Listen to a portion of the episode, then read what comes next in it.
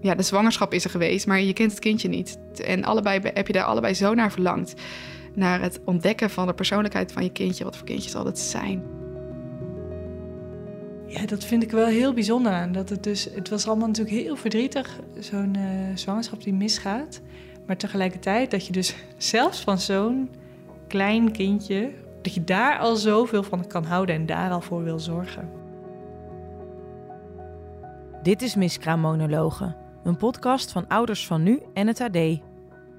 Iedere aflevering een persoonlijk verhaal over miskramen, verteld door vrouwen die ze meemaakten en door partners en professionals. Het is een hele korte tijd dat ik haar bij me heb en daar moet ik intens van genieten. En alles aan haar laten merken dat, ik, dat we super blij met haar zijn en dat we ja, dat ze super gewenst was. Ja. Een podcast over onzekerheid. Als iemand me nou zou kunnen vertellen dat het goed komt, ook al is het over een jaar, dan is het prima.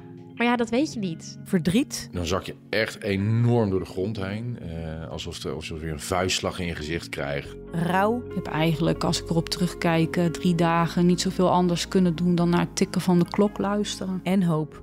En vanaf het moment dat hij uh, in mijn armen lag, vanaf dat moment waren alle zorgen verdwenen.